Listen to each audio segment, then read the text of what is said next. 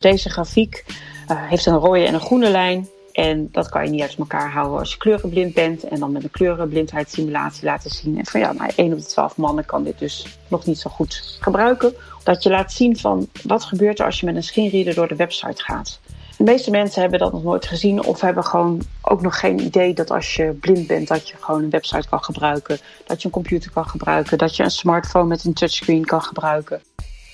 Welkom bij de Van der Hilst podcast. Mijn naam is Patrick Regan en ik mag ieder kwartaal in gesprek met een vakgenoot uit de communicatiewereld. Vandaag is dat Jacobien Riesebos, expert op het gebied van digitale toegankelijkheid. Zij is medeoprichter van Firm Ground en helpt organisaties grip te krijgen op digitale toegankelijkheid, bijvoorbeeld de Nationale Bibliotheek of de Tweede Kamer.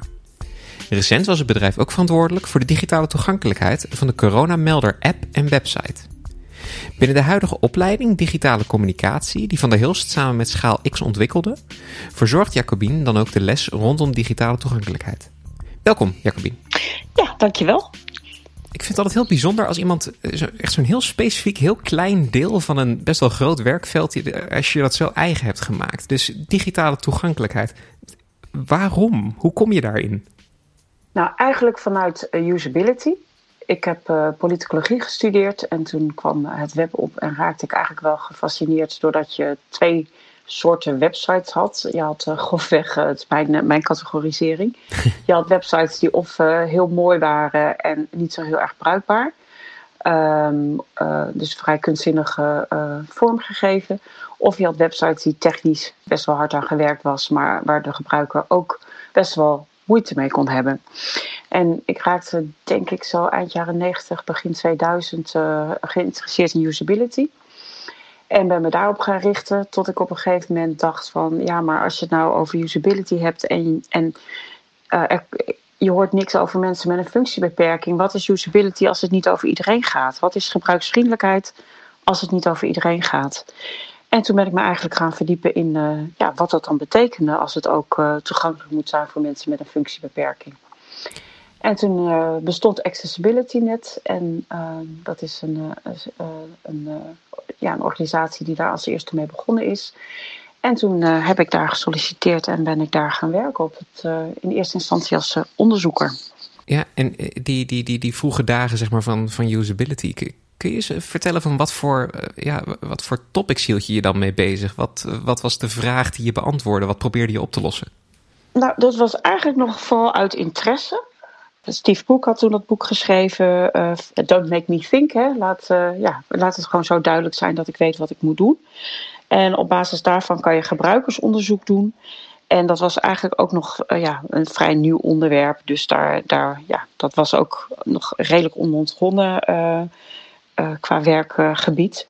Dus daar heb ik eigenlijk me, qua interesse mee bezig gehouden en wel wat klussen gedaan, maar niet echt heel veel. Maar dat was eigenlijk echt uh, ja, zo'n onderzoekje van met vijf uh, mensen kijken van uh, laat ze een paar taken doen, beïnvloed ze niet en kijk of ze die taken kunnen uitvoeren en observeer. En zo haal je al gelijk heel veel usability problemen eruit. Kun je iets vertellen over, want daar ben ik dan heel benieuwd naar. Ik ben, ja, dat, dat, dat vroege web van uh, heel technisch of heel kunstzinnig, daar, uh, ik heb het wel gezien, maar heb, ben te jong om daar heel erg uitgebreid aan deelgenomen te hebben. Maar kun je iets, iets misschien iets praktischer vertellen over die, die usability problemen die daar dan uitkwamen? Of wat zag je dan bij mensen? Nou, dat, vind, dat vind ik nog wel uh, uh, moeilijk om precies te uh, herinneren hoe dat er allemaal zat. Hè. Ik weet Snap nog ik, wel. Ja ik, ik kan het ook niet meer zo aan jaartallen koppelen. Weet je, dat je op een gegeven moment denkt: oh ja, Ilse, dat heeft ook bestaan. En ook dit en dat heeft ook bestaan. Uh, maar wat je, ja, ik denk eigenlijk dezelfde dingen als nu. Van, uh, dat je denkt: ja, maar dit snappen ze toch wel. En dat ze het niet zien of niet kunnen vinden of niet begrijpen. En dat er zoveel aannames zijn van ja, dat begrijpen mensen wel. Ja, terwijl ze, terwijl ze het gewoon niet snappen. Of het is of te technisch of het is verstopt in iets moois wat je gewoon niet begrijpt. Dus het zijn natuurlijk toen nog meer dan nu uh, had je ook best wel veel nieuwe concepten die je moest begrijpen. Maar nu kun je ook ja, bij gebruikersonderzoek natuurlijk hebben dat mensen de, denken van ja, je ziet die knop toch? Klik op die knop. Te, terwijl, terwijl mensen zien die knop misschien niet. Of uh, uh, ja, kunnen hun taak niet uitvoeren. Uh, wat je nu ook nog wel ziet, is dat dat heel erg door de kwantiteit komt, bijvoorbeeld. Hè? Dus dat is nog wat anders dan uh, vormgeving of um, techniek. Is dat er nu heel veel gepubliceerd wordt, maar heel weinig opgeruimd. En dat als je bijvoorbeeld als redacteur of communicatieprofessional informatie aanbiedt, nou ja, bijvoorbeeld over de, noem maar wat, de eikenprocessierups, een heel project over gehad, dat er bijvoorbeeld 56 pagina's zijn op een website van de laatste anderhalf jaar over de eikenprocessierups. Uh, ja, en mensen snappen niet meer, uh, ja, die vinden iets en denken dat dat de informatie is. Terwijl je ziet door de boom het bos niet meer. Maar als redacteur of communicatieprofessional kijk je op paginaniveau en niet meer snel uh, op dienstenniveau. Van uh, ja, kunnen mensen dit gebruiken? En, en als je dan iets vindt, bijvoorbeeld met een externe zoekmachine, hè, mm -hmm. dat is wat anders dan ik weet toch waar het staat. Hè? Als, als, als, als dat de website is waar je aan werkt, dan weet je precies waar het staat en welke pagina's je bekijkt. Dat is allemaal heel logisch. Maar als je via een externe zoekmachine komt of de interne zoekmachine dan, dan kom je op pagina's terecht waar je gewoon dus echt niet verder kan. En dat, dat is denk ik nu een van de grote usability problemen nog. En tegelijkertijd, um, uh, mooi bruggetje naar toegankelijkheid, een probleem voor toegankelijkheid. Want ja, je hebt ook gewoon geen tijd om al die pagina's bij te houden. Als je denkt dat een, uh, een webpagina zo'n vier uur kost uh, om, om te beheren en up-to-date te houden. Uh, ja, dan heb je 56 keer vier pagina's voor de eikenprocessorrups. Ja, dat kun je gewoon niet aan. Laat staan dat je dat toegankelijk kan maken. Ja, ja. Uh, dus ik denk dat kwantiteit nu ook uh, wel een probleem is. En dat de kwaliteit daaronder leidt. Ja, je zei net een, een, een bruggetje van, van die usability naar toegankelijkheid. Maar om het bruggetje wat duidelijker te maken, kun je, kun je enigszins uitleggen wat het, het, zeg maar het verschil is of waar het van usability naar toegankelijkheid gaat? Ja, er zullen heel veel definities zijn van gebruiksvriendelijkheid. Hm. Uh, ik denk zelf dat die niet compleet is uh, als je uh, niet gaat kijken of ook iets werkt voor iedereen. gebruiksvriendelijkheid kijkt wel naar van ja, kun je dit gebruiken, kun je dit snappen, is het duidelijk. toegankelijkheid gaat eigenlijk over van is het even bruikbaar voor mensen met een functiebeperking als voor mensen zonder een functiebeperking. En uh, dat betekent dus nog niet dat het uh, fantastisch goed moet werken. Maar het moet niet slechter zijn voor mensen met een functiebeperking. Vanuit deze richtlijnen kan je niet, uh, nou, vanuit wetten die ervoor zijn, kan je niet opdringen of, of, dicteren dat websites gebruiksvriendelijk moeten zijn voor iedereen. Maar je kan wel zeggen, het, het mag dus niet slechter zijn voor mensen met een functiebeperking. Nou, dan moet je denken aan, aan mensen met een visuele beperking. Dus bijvoorbeeld uh, um, blind of slechtziend. Uh, of nou ja, je hebt allerlei soorten slechtziendheid natuurlijk. Dus ook, uh, nou, dat kan zijn kokervisie, dat kan, kan zijn vager zien, dat kan zijn vlekken. Dat zijn ja, mensen die kleurenblind zijn, hebben natuurlijk ook een, een beperking. Dat is maar liefst 1 op de 12 mannen en 1 op de 200 vrouwen. Dan heb je auditieve beperkingen. Dat is als je doof bent of slechthorend. Nou, als je doof geboren bent, is Nederlands ook nog niet je moedertaal. Dus dan is dat, uh, uh, ja, kan Nederlands gewoon veel lastiger te lezen zijn. Hè? Bijvoorbeeld uitdrukkingen, uh, andere grammatica. Um, maar het kan ook vervelend zijn als je bijvoorbeeld een verplicht telefoonnummer in je formulier hebt. En dan heb je nog motorische beperkingen. Dus dan kan je alles met het toetsenbord gebruiken of met spraakbediening. Uh, omdat je bijvoorbeeld Parkinson hebt of RSI. Of uh, uh, ja, je, je, je hebt bijvoorbeeld last van je vingers of je mist wat vingers. En dan heb je nog de cognitieve beperkingen. En dat is wel een. een daar, daar, daar kan je van alles onder, onder zien of aan aan koppelen. En dat is bijvoorbeeld dyslexie, uh, autisme, uh, kan ook met taalgebruik en letterlijk taalgebruik te maken hebben. concentratiestoornissen, kort werkgeheugen.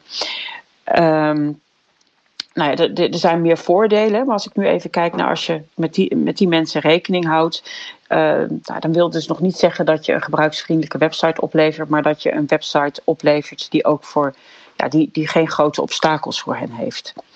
Dus het is niet dat accessibility usability vervangt, of andersom, het vult elkaar aan.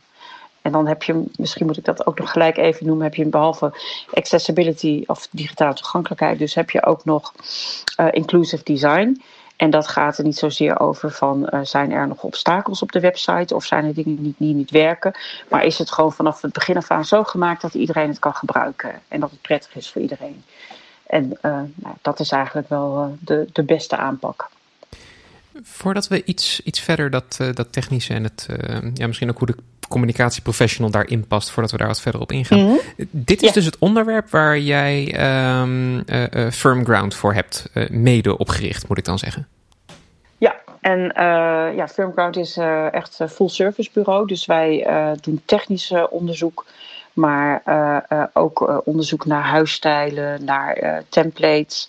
Maar ook advies over hoe krijg je grip in de organisatie. Hoe zorg je ervoor dat, dat dit niet een ad hoc verhaal is, maar dat je grip krijgt, zowel op de toegankelijkheid als op de kosten, als op de continuïteit. Um, hoe zorg je dat je mensen hierbij betrekt? Dus ja, wat we dan doen is mensen begeleiden, onderzoek doen naar processen, awareness sessies, trainingen. Maar dus inderdaad ook echt kijken van ja, hoe borg je dit nou? Hoe zorg je dat dit niet ad hoc is of eenmalig? Ehm, en ja, dat, dat, dat je echt kan zorgen dat het continu goed, goed gaat zijn. Ja, ja. Want ik merk, als ik, als ik om me heen kijk, je, je maakte net ook de opmerking van 1 op de 12 mannen volgens mij heeft een bepaalde mate van kleurenblindheid. Dat is iets wat ik bij mijn collega's om me heen ook heb gehoord. En ik merk ook bij steeds meer mensen dat ze zich wel bewust zijn van, uh, van dit soort dingen. Maar de kennis en echt het draagvlak om er dan ook wat mee te doen, Um, het, het, voelt voor mij ook alsof mensen misschien zoiets hebben van het is heel ingewikkeld, het is heel gecompliceerd en het is een hele grote stap om hier dan ook echt iets mee te gaan doen. Dus doen we het maar niet. Is dat ook een beetje wat je om je heen ziet? Of? Nou, wat ik, wat ik zie is uh, uh, ook wel weerstand natuurlijk. Van moeten we dat nou doen voor die ene blinde, is dan de gedachte. Ehm, maar ook wel dat eh, de gebruiker sowieso niet zo in beeld is. Dat mensen dingen maken die ze zelf snappen, die ze zelf kunnen gebruiken en die hun collega's kunnen gebruiken. Maar dat er eigenlijk sowieso geen gebruikersonderzoek is of contact met de gebruiker of, of dat ze kijken van werkt het wel. Dat is eigenlijk, ja, zien we dat voor de klanten voor wie wij werken nog weinig. Hm. Eh, of, of eigenlijk binnen digitale toegankelijkheid. Wij hebben meestal wel klanten uh, die uh, nou, best wel graag willen. Daar bezoeken ze ons ook uit, omdat wij verder kijken naar hoe kom je echt verder. Maar in het algemeen zie je bij heel veel overheidsinstanties maar beperkt terug dat er naar de gebruiker wordt gekeken. En, en vooral van, snap ik het, kan ik het gebruiken? Of is het, of is het mooi, of vind ik het mooi? Um, dus dat is denk ik ook al een heel obstakel van uh, ja, er is misschien wel eens een panelonderzoek of zo, maar niet van, uh, goh, we gaan het eens aan vijf mensen laten zien.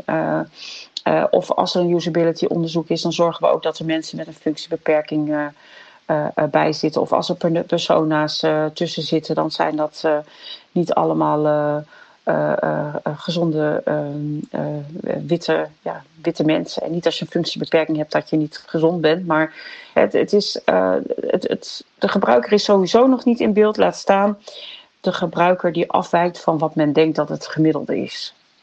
En ja, de gemiddelde gebruiker bestaat natuurlijk helemaal niet, maar dat, dat beeld is er wel. Ja, dat, ja dat, dat is inderdaad zo. Iedereen is wat dat betreft anders genoeg. Je zei net dat um, mensen komen vaak bij jullie al terecht, uh, of bij jou terecht, als ze er al begrip voor hebben en als ze er actie op willen ondernemen. Maar naar deze podcast luisteren ook heel veel communicatieprofessionals die misschien nu voor het eerst horen van, oh ja, dit is iets waar ik ook over na moet denken. Is er een, uh, uh, kun je ze misschien ook een beetje overtuigen van waarom dit belangrijk is? Want je zei het inderdaad, ja, voor die ene blinde, om het heel grof te zeggen. Um, ja. Het is denk ik wel meer dan dat.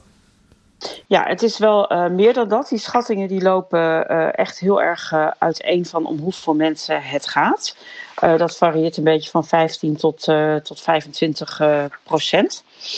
Ehm, nou lijkt 25 procent mij wat overdreven.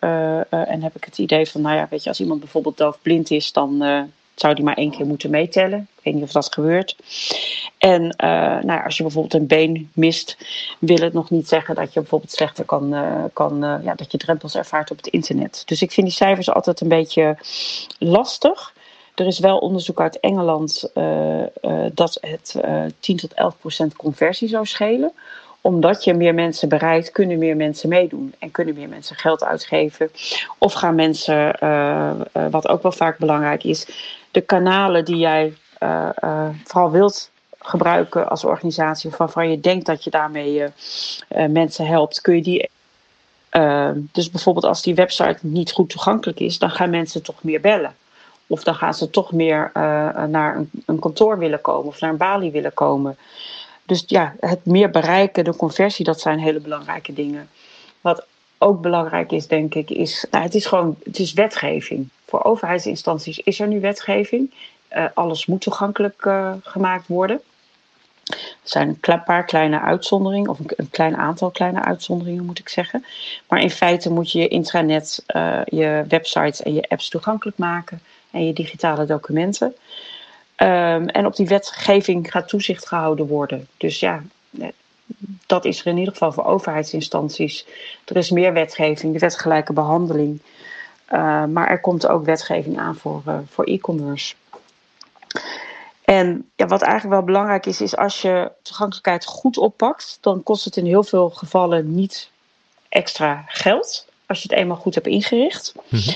En, en kan het ook een kostenbesparing zijn, omdat je dus minder telefoontjes hebt, maar ook omdat als je, ja, Google wordt wel de grootste blinde gebruiker genoemd.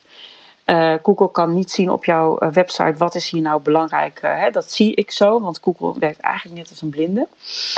Um, en als je een website goed toegankelijk maakt, dan kan Google ook veel beter snappen van waar je, ja, wat, wat wat belangrijk is op een pagina, wat, hoe dingen zich tot elkaar verhouden. Je kan het beter indexeren, je kan beter pagina's doorzoeken, je kan beter pagina's archiveren. Dus eigenlijk is het gewoon een veel ja, duidelijkere manier om je pagina's op te bouwen. En ja, kunnen zowel mensen daar beter mee uit de voeten als zoekmachines. En natuurlijk vooral de mensen die de zoekmachines weer gebruiken. Um, uh, nou ja, en kun je dus meer conversie hebben. En wat, wat ook belangrijk is, het is ook ja, innovatie. Hè? Dat we nu met z'n allen tegen, nou, met z'n allen, dat heel veel mensen tegen een, Google Home of uh, een Siri kunnen praten. dat is toegankelijkheid. Als ik een, een infographic wil laten voorlezen die één groot plaatje is van tekst zonder dat daar een textueel alternatief is, kan ik dat ook niet laten voorlezen. Ook niet met een, met, een Siri. Of op een andere manier. Dus ja, het, het, het brengt ook heel veel voordelen met zich mee. Denk met name als je die 10 tot 11 procent eh, conversie die het dan zou schelen noemt, dat is een heel uh, simpele, hele duidelijke. Maar het moment dat je dan technischer gaat kijken over het. Uh, ik vind het wel een mooie vergelijking. Google als grootste blinde gebruiker. Um, ja, Google ziet alleen maar de structuur van je pagina, ziet waar jij kopjes hebt staan, on, tussenkopjes, foto-omschrijvingen. Um, ja, de linkteksten. Heel, heel veel dingen in de Google-handleiding uh, van, uh, nou ja, schrijf duidelijke linkteksten. Um, ik weet uit mijn hoofd niet of daar uh, staat van be, begin met de belangrijke content eerst in kopjes en links. Maar het zijn allemaal dingen die helpen je qua voor Google, maar die helpen je ook voor mensen met een, ja, die bijvoorbeeld een screenreader gebruiken of die dyslectisch zijn. Ja, ja.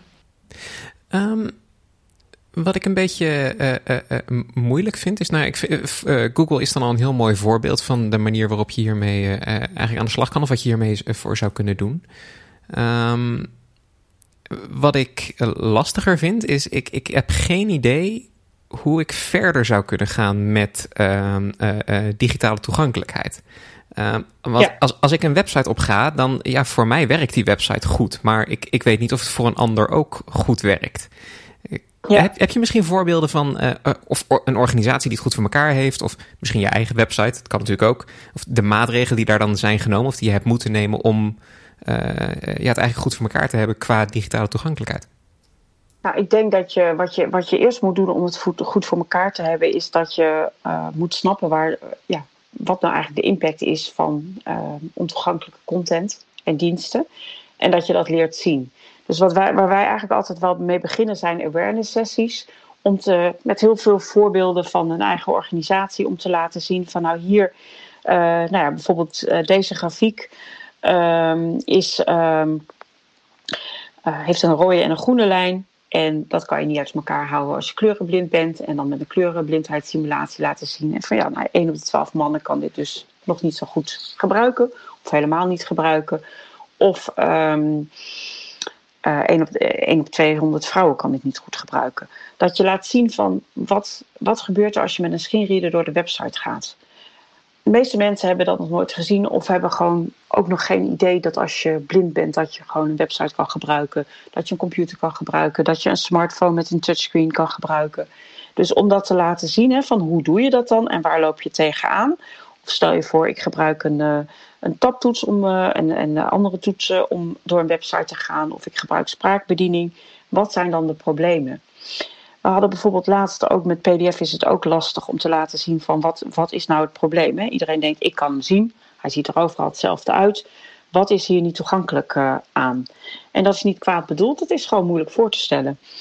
Toen hebben we een, uh, op verzoek van de, van de opdrachtgever een filmpje gemaakt uh, met vier voorbeelden van toegankelijkheidsproblemen in PDF. En die worden nu uh, intern uh, getoond, die voorbeelden. En we hoorden terug van nou, dit, ja, dat de directie heel erg onder de indruk was. Terwijl je daarvoor het probleem niet ziet. Ja. Als je een probleem niet ziet, als je niet beter weet, kan je niet beter doen. Um, kan je ook de belangrijkheid niet inschatten. Dus ik denk echt dat het daar begint van wat is nou het probleem? Om te, om het te ervaren. En dan, dan gaat het je ook bijblijven. En dan kan je ook zelf denken van nou, nou weet ik hoe ik eens met de taptoets door een, uh, en, en wat andere toetsen door een website ga. Of goh, uh, nou denk ik eraan van uh, ja, is dit eigenlijk wel toegankelijk voor mensen die kleurenblind zijn? Of goh, ik dacht dat als je doof was dat je dan alleen maar problemen had met een video. Maar hmm, misschien is het niet zo heel handig wat we hier doen met die telefoonnummers of met nou, we hebben wel een chat, maar die kan ik met het toetsenbord niet gebruiken, om maar een voorbeeld te noemen. Dus het zien is de eerste, eerste stap, denk ik. Mm -hmm. En um, ja, wat, wat dan belangrijk is, is denk ik om te gaan kijken naar uh, ja, wat heb je allemaal in de organisatie en wat weten we daar al van. Is, is er wel, wat, wat kopen we in? Stellen we eisen? Ehm, dus ja, het wordt een beetje een lang antwoord, ben ik bang. Uh, dus jouw vraag is eigenlijk van wat kan je dan als communicatieadviseur als eerste doen? Is dat, is dat wat je nou, dat vraagt? is inderdaad een mooi begin. En ik heb geen moeite met een lang antwoord hoor, dus ga daarop vooral verder. ja. Ja, nou wat, wat, wat het, het, het lastige van digitale toegankelijkheid is nog wel dat er, nou ja, er zijn gewoon heel veel aannames over. En een aanname is dat je een communicatieadviseur of een redacteur of een uh, developer, dat je dat daar belegt en dat die het dan kunnen doen. En ja, ik denk echt, ja, ik weet, dat, dat kan gewoon niet.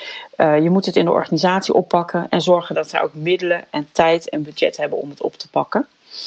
Um, zodat je bijvoorbeeld ook de goede dingen inkoopt. Kijk, als je iets inkoopt waar een, een een, een, CMS waarmee een uh, communicatieadviseur of een redacteur geen fatsoenlijke content kan maken, ja, dan ben je alleen maar aan het repareren. En dan wordt het heel duur en frustrerend en uh, uh, gaat het niet goed. Kan ik, kan ik op je, dat stukje uh, heel eventjes inhaken? Ja, Want wat je ja, zegt over een, ja. een, een, redacteur die moet dingen inkopen. Um, hoe kan ik er dan, nee, of het, althans het niet de redacteur... in de organisatie ingekocht. Ja, precies. Er wordt in de organisatie ingekocht. Maar hoe kan ik er dan voor zorgen, of hoe kan ik checken dat mijn CMS hier goed voor is? Want dat lijkt me wel een hele praktische, hele ingewikkelde vraag, waar ik echt het antwoord niet op heb.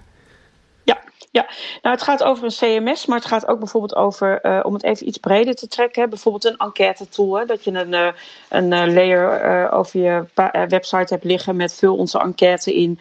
Of de website zelf, of pdf-brochures. Je hebt in Europa heb je een, een richtlijn en die moeten alle lidstaten vertaald hebben naar wetgeving. En um, in de wetgeving staat dus ook van, nou ja, maak gebruik van uh, een standaard. Dat is een internationale, een Europese standaard moet ik zeggen. Um, en in die standaard staan al de technische eisen en een aantal content eisen. Um, wat je zou moeten doen is als je een CMS inkoopt of iets anders, dan zou je moeten vragen aan de betreffende partij van kunnen jullie aantonen volgens de uh, officiële methode. Nou, er is ook weer natuurlijk een standaard voor die methode om dat aan te tonen. Uh, dat het uh, voldoet aan die eisen die wij, ja, die wij verplicht zijn om te volgen. Je eigenlijk maak je dus afspraken bij oplevering van een website of bij inkoop van. hier moet het aan voldoen. Toon mij aan hoe jullie daaraan gaan voldoen. En wat je tot nu toe heel veel zag was. ja, wij gaan daar zoveel mogelijk rekening mee houden of ja, het werd beloofd, maar het werd toch nooit gecontroleerd. En eh, om, om echt grip te krijgen is het dus belangrijk dat er een, eh, een controle is en dat je afspraken maakt over wie betaalt dat. Um, en ja, wat gebeurt er als het niet voldoet? Of dat je vraagt van nou laat maar zien voorbeelden van waar het wel voldoet en toon het maar aan. Maar dat is natuurlijk een beetje lastig om dat als redacteur te doen. Mhm. Dus dan kan je bij een partij als de onze terecht. Uh, nou, Firm, Firm County kan dan een, uh, een, uh, een onderzoek doen, of een andere partij. De partij zelf kan dus vragen van doe een onderzoek. En dan maak je een heel overzicht van voldoet het al wel of voldoet het niet. En natuurlijk wil je niet een eenmalige controle hebben en dan, nou ja, dat ze over een half jaar met een nieuwe sprint het weer wat mee doen. Dus je wil ook weten van hoe, hoe borgen ze dat. Uh, dus eigenlijk gaat het over, uh, uh, heel veel over inkoop, over afspraken. Ook, maar daarom geef ik dus ook aan van ehm, er komt echt meer bij kijken. Het is een wettelijke verplichting voor heel veel organisaties. Dus dan moet je jurist het weten, de inkopen moeten het weten, daar moeten afspraken over gemaakt worden. En dat als je dus zegt van leg het alleen maar bij de redacteur neer of de communicatieprofessional. Ja, dat, dat, dat, dat, kan niet. Uh, onge, ongeacht van uh, hoe slim of goed hij of zij is. Um, ja, dat, daar, daar heb je meer mensen in de organisatie voor nodig. En belangrijker nog, hè, wat we heel veel zien bijvoorbeeld bij systemen als raadsinformatiesystemen of zaaksystemen. Uh, is dat organisaties daar ook nog samen in zouden kunnen werken. Bijvoorbeeld via nou, misschien een VNG, de Vereniging van Nederlandse Gemeenten. Of voor Nederlandse gemeenten. Uh, maar dat, dat, je samen gaat kijken van ja, zijn er wel partijen op de markt die dit kunnen doen? En kunnen we ze samen uh, afdwingen dat het gaat gebeuren? Of gaan we anders samen oplossingen verzinnen? Want heel veel organisaties zitten gewoon in de tang bij een leverancier die ze al hebben. Um, ja, en daar komt weinig beweging in. En je zegt, de, de, de communicatieadviseur, ja, die, die kan dit niet alleen. Dat uh, helemaal mee eens, snap ik volledig. Ik vraag me wel af, is de communicatiepersoon misschien degene die hier wel het meest bewust van is? Want het is wel de persoon die uiteindelijk de boodschap bij een publiek moet brengen. Um, en dus misschien ook het beste de, de, de ja, bewustwording binnen een organisatie kan regelen of proberen te krijgen. Ja, ik denk dat dat ook een samenwerking is. Uh, ik kan me voorstellen dat het ook eerst heel bedreigend is, hè, digitale toegankelijkheid. Van, oh, ik kan niks meer, er mag niks meer, mag niet meer mooi, het kan niet meer leuk. Uh, uh, God, de rem gaat op alles. Dus ik denk wel dat het heel belangrijk is om, om uh, ja, dat een communicatieadviseur weet van... Ehm, ja, ook dit, dat de eerste gedachte is van we gaan iets nieuws maken. gelijk, ja, hoe is het bruikbaar voor iedereen? Um, maar die communicatie intern is heel erg belangrijk. Um, ja, om, omdat je dus dat, dat ook door de hele organisatie heen bekend moet maken. En ook waarom een organisatie dit wel of niet doet. Nou, dat kan je natuurlijk alleen als hoger management daar wat van vindt. Dus ja, daarom ook, hè, ook hoger management. Als die hier geen prioriteit aan geven, kan je als communicatieadviseur hoog of laag springen. Maar blijft het, uh, blijft het ad hoc. Um, maar heb, ja, als, als het een, uh, een prioriteit is van hoger management, bijvoorbeeld omdat, uh, omdat ze er voor iedereen willen zijn, omdat ze risico's willen vermijden of uh, omdat ze, nou, dat kan allerlei redenen hebben, dan is een communicatieadviseur een hele goede om intern te kijken naar welke weerstand is er, welke informatie moeten mensen hebben, waar, ja, wat moet hier allemaal over gecommuniceerd worden en hoe betrekken we mensen. Als we het dan hebben over uh, de prioriteit die het heeft en over hoe belangrijk het is. Ik zei in het intro al, Firmground heeft ook uh, meegewerkt aan, of was misschien zelfs verantwoordelijk voor, dat uh, laat ik zo meteen naar jou om uit te leggen, voor de digitale toegankelijkheid van de coronamelder, zowel een app als een website. Ja. Um, dan heb je opeens een ding wat voor heel Nederland moet werken en waar dus echt wat voor iedereen toegankelijk moet zijn. Dat, dan is het wel heel belangrijk, denk ik. Ja, nee, dat is natuurlijk eigenlijk altijd wel, hè, dat het voor uh, heel veel mensen moet werken. Dat is ook voor de, voor de RDW, dat is ook voor de bibliotheek, dat is ook voor de Rijksoverheid. Maar hier lag natuurlijk wel een, eh, een vergrootglas op, uh, zowel uh, qua digitale toegankelijkheid als privacy en security. Mm -hmm. ik moet wel gelijk zeggen dat ik niet bij dit project direct betrokken ben. dat is mijn collega Bram Duvigneau geweest. En um, dus ik heb wel van hem gehoord van wat, waar, waarom hier dingen goed gingen qua toegankelijkheid en uh, ja, uh, hoe dit liep. Mm-hmm. Maar ik, ik zelf was niet direct betrokken. We zijn inmiddels ook met twaalf mensen en je krijgt ook je eigen expertises. Dit was echt de, de, de app in eerste instantie. Ja. En hier was eigenlijk digitale toegankelijkheid gelijk een uitgangspunt zonder dat daar nog aan beknippeld werd. Ehm, en wat heel goed was, was dat er uh, inzicht was, uh, vertelde Bram, over wat, uh, wat ze niet konden. En daar werd expertise bij gehaald. Dus bijvoorbeeld Bram uh, voor digitale toegankelijkheid. en ja, het, het, het was niet van, oh, we kunnen er niet, dan gaan we toch maar wat proberen en dan doen we een keer een eindtest en dan zien we het wel.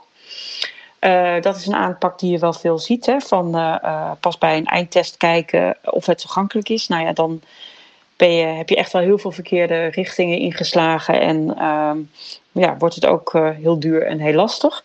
Maar hier hebben ze, ja, zijn ze dus echt aan de slag gegaan gelijk.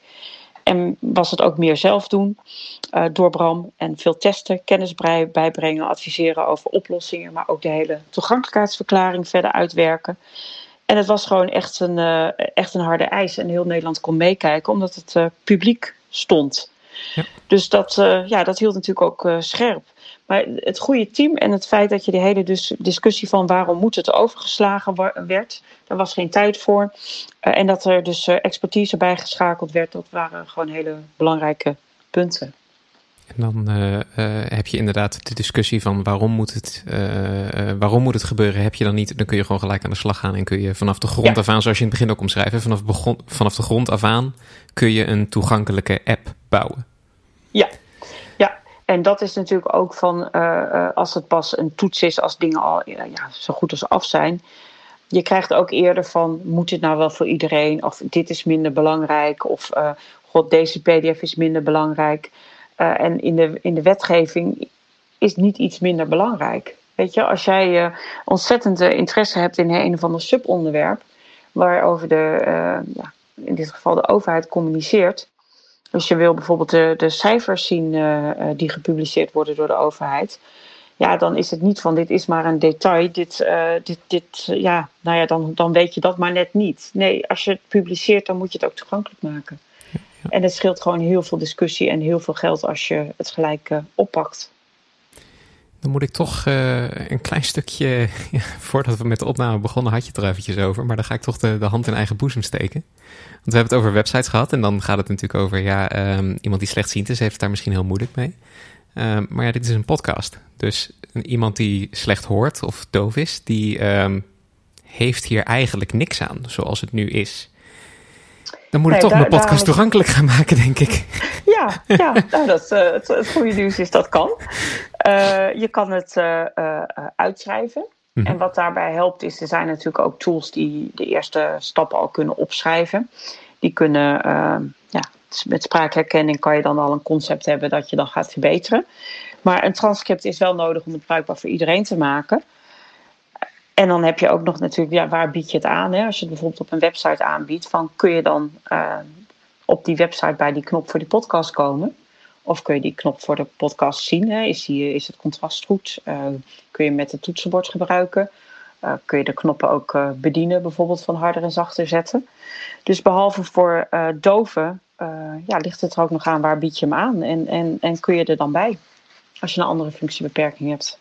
En het, het moment dat jij uh, transcript zegt, denk ik, ja, en daar zit je weer met dat, uh, dat Google-stukje. Want Google weet natuurlijk ook niet wat er. Ja, uh, stemherkenning wordt wel steeds beter, dus Google zal het misschien wel weten. Maar op het moment dat ik het uitschrijf, dan weet Google natuurlijk ook een stuk beter wat de content van deze podcast is. En wordt ja. die ook een stuk vindbaarder. Ja. Ja, ja, en dit is natuurlijk meer werk, hè, maar ik zie ook bij automatische ondertiteling vaak zoek ik wel een voorbeeld van dat uh, de hele rare dingen uh, uit die uh, automatische onder, ondertiteling komt. En dat is eigenlijk heel vaak. Alleen als een, iemand met een hele goede stem direct in de microfoon praat, dan gaat het redelijk goed. Maar vaak kun je best wel vinden dat iemand opeens iets heel raars of onbehoorlijk of ontamelijk, zegt. dus dat zou bij mij ook zomaar kunnen. Dat er zo meteen hele rare dingen uit een automatisch transcript komen. Terwijl ik volgens mij best wel Volgens mij een hele beschaafde podcast hier, ja. Precies, dus uh, ja. Dus dat, uh, ja, het wordt wel steeds beter, maar het is niet goed genoeg. Hè? En dat is ook uh, als, heel vaak de discussie van, is dit niet goed genoeg? Of is dit wel interessant voor doven? Of is dit wel interessant voor mensen die, die, die blind zijn? Ik geef ook vaak het voorbeeld van mijn compagnon, die is 100% blind. En uh, hij gaat elk jaar skiën. En ja, dan skiet er iemand achter hem en die zegt dat hij naar links of naar rechts moet. En hij heeft een geel hesje aan dat hij herkenbaar is als iemand die dus niet kan zien. Maar als je dan zou zeggen van, ja, weet je, je hebt heel snel aannames van, ja, maar waarom moet die website van die skilift nou toegankelijk? Mensen die blind zijn, die gaan toch echt niet skiën?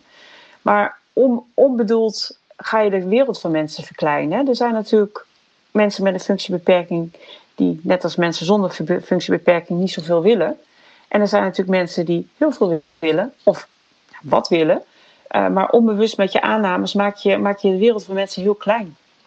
En ja, mijn collega vraagt ook een uh, parkeervergunning aan voor, uh, voor dat, zodat zijn vader in de straat kan parkeren. en, en dan nog, ook al zou je zou je dat niet doen. Je, je doet niet per se iets alleen voor jezelf. Hè. Ik hoor ook wel eens dingen over, nou, we gaan een customer journey maken van wat uh, mensen met een functiebeperking dan doen. Maar je regelt dingen voor, voor je, niet alleen voor jezelf. Je kan ook dingen voor je partner regelen, voor je kinderen of je ouders, je, je, je vrienden of je collega's, je, je werknemers of je baas.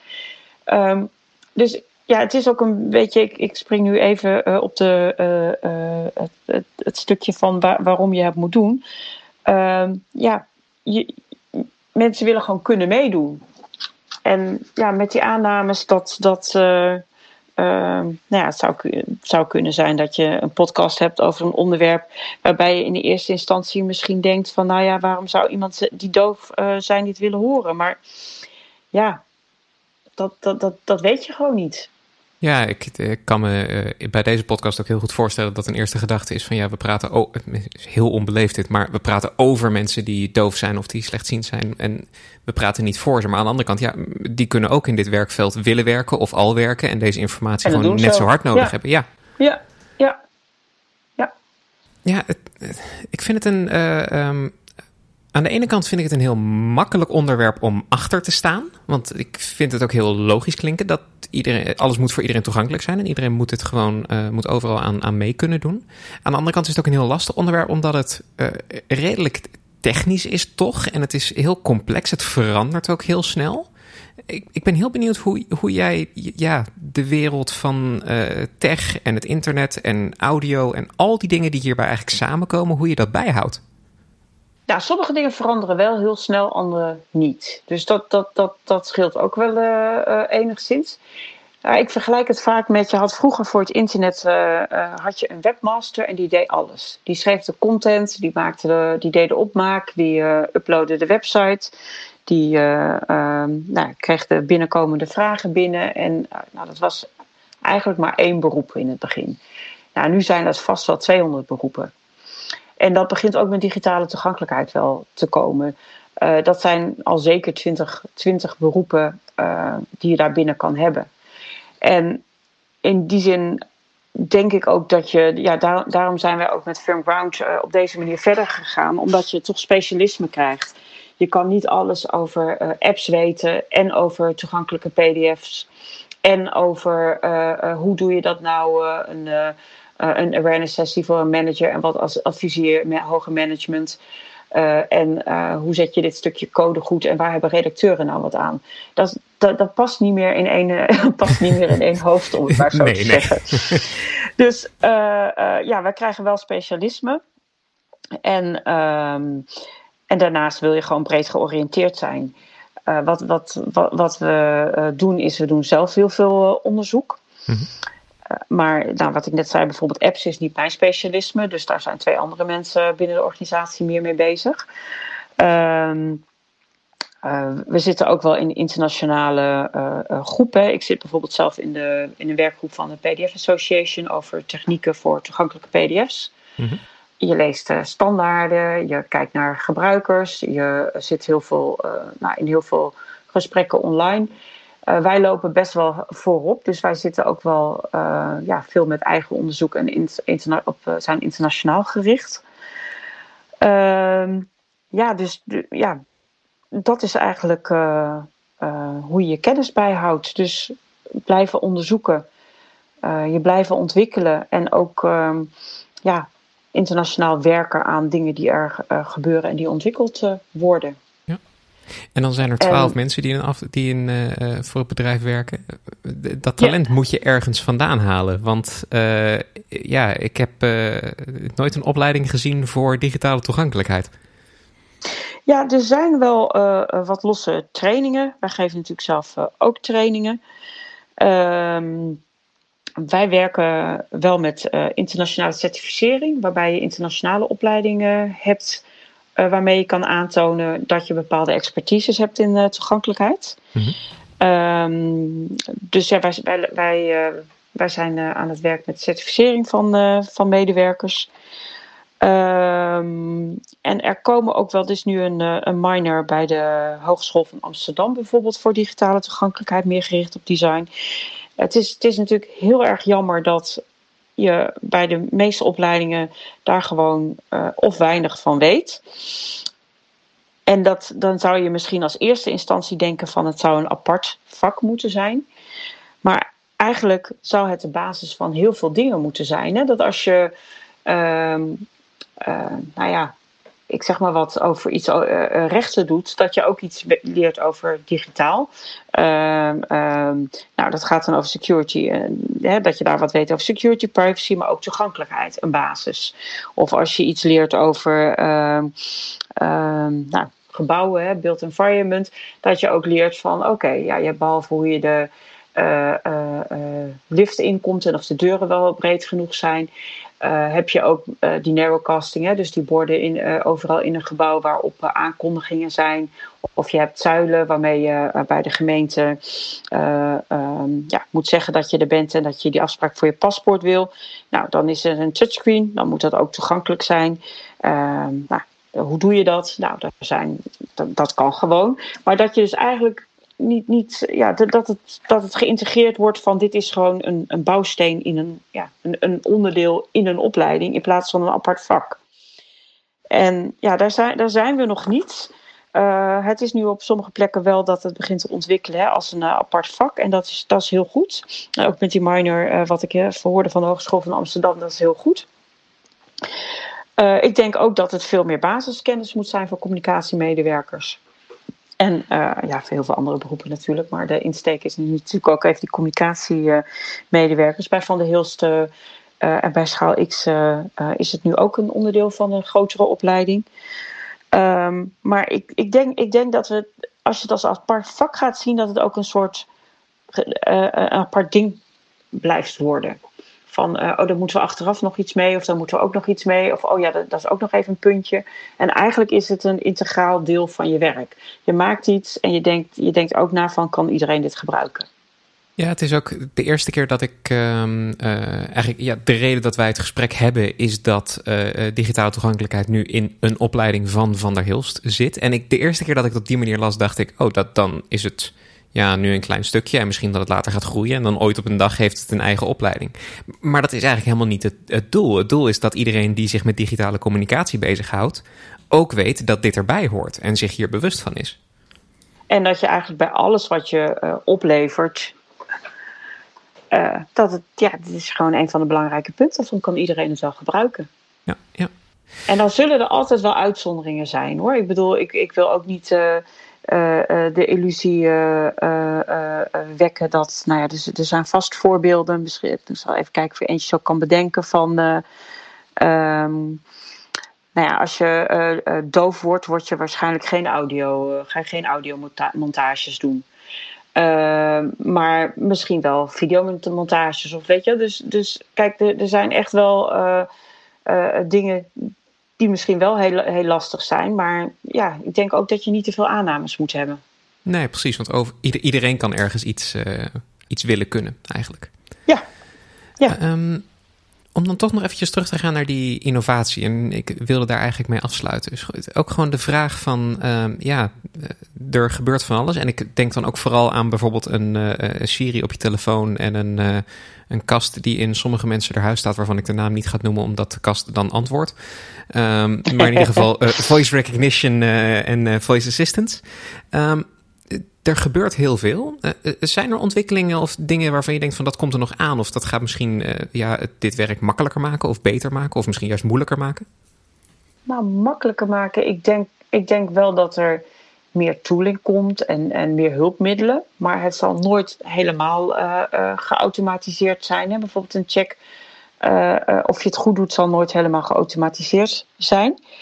Um, of het iets is wat jouw werk makkelijker maakt. Ja, ik, ik, ik denk wel dat.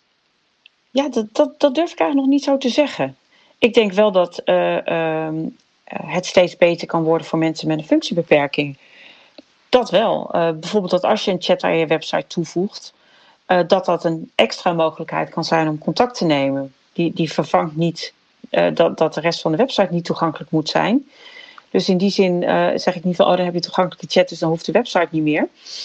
Ehm, maar ik denk wel dat, dat ja, als, we, als we doorgaan met um, goede afspraken maken, kijken dat, dat, dat, we, dat leveranciers uh, ook betrokken worden om verhandelingen door te gaan. En je koopt gewoon straks een CMS en dan denk je van nou, ik kan gewoon kiezen uit drie uh, toegankelijke CMS'en of vier toegankelijke zaaksystemen. Ja, dat wordt dan wel makkelijker. Ehm, maar daar, daar zijn we nog niet. Dat, ja, maar dat gaat in de toekomst wel makkelijker worden. En om het dan heel nobel te zeggen, daar zal jij je best voor blijven doen, denk ik. Ja, ja, ja, ja. Ja, ja, ja wij, wij, wij allemaal. En uh, ja, weet je, het is ook met wat, wat, denk ik wel een belangrijke is van, ja, je kan een onderzoek laten doen naar toegankelijkheid van je website. Um, maar ja, ik denk altijd van, wat is je probleem? En uh, helpt een onderzoek daarbij? Uh, wat wil je met het onderzoek doen? Nou, het kan zijn dat je een onderzoek wil om uh, te laten zien in de organisatie van kijk, we hebben hier geld voor nodig en een organisatieaanpak. Dat, dat kan een doel zijn. Um, het kan ook zijn dat je zegt van nou, we gaan die puntjes oplossen. Um, maar ja, wat dan? Weet je, dan ga je niet. In, het is geen goede aanpak als je dan een jaar later weer denkt, nou gaan we het weer eens onderzoeken en gaan we die puntjes oplossen. Dus ik denk altijd wel van, een, bijvoorbeeld een onderzoek is geen doel op zich. Maar wat, wat, wat is nou voor jou de uitdaging voor digitale toegankelijkheid? Welke eerste stappen kan je nemen? En uh, ja, uh, ga niet een middel en een doel met elkaar verwarren, zoals bijvoorbeeld een onderzoek. Misschien is er, zijn er andere stappen die je eerst moet doen. Maar misschien is het een hele goede eerste stap. Als we het dan hebben over kleine eerste stappen, ga ik nu gewoon uh, naar mezelf uh, publiekelijk en daardoor doodeng de belofte maken dat ik deze podcast uh, gewoon zo toegankelijk mogelijk ga maken. Ja, dat, is, dat lijkt me een hele goede eerste stap. Ja. ja. En ja. ik, ik, wil je onwijs bedanken voor je, voor je tijd. Uh, je hebt mij in ieder geval geenthousiasmeerd. en ik hoop veel andere mensen. Dus dank je wel. Ja, graag gedaan. Misschien nog een, een kleine tip. Ik heb voor het ministerie van Binnenlandse Zaken een boekje geschreven over wie doet wat in de organisatie. En daar staan ook stappen in voor de communicatieadviseur. Uh, dus wat je moet doen en wat uh, links daarbij, maar ook voor twaalf andere rollen in de organisatie, zodat je ook anderen kan betrekken en uh, ja, er minder alleen voor staat. Dus misschien is dat nog een tip om, dat, ja, om even die link te delen naar het boekje. Het is gewoon een gratis boekje van de overheid. Digitale toegankelijkheid in jouw organisatie, wie doet wat. Ik ga ervoor zorgen dat hij in de show notes staat en dat mensen ja. die, die zo kunnen vinden. Ja, daar staan al wat eerste tips in. En uh, nou, dank voor de uitnodiging. Onwijs bedankt voor het luisteren naar de Van der Hilst podcast. Wil je op de hoogte blijven van alle interviews die nog gaan komen? Abonneer je dan in je favoriete podcastspeler. De Van der Hilst podcast is van voor tot achter gemaakt door mij, Patrick Regan, in opdracht van Van der Hilst. Je vindt Van der Hilst op Twitter, LinkedIn en Facebook en natuurlijk op het web via hilst.nl. Dank voor het luisteren en tot de volgende!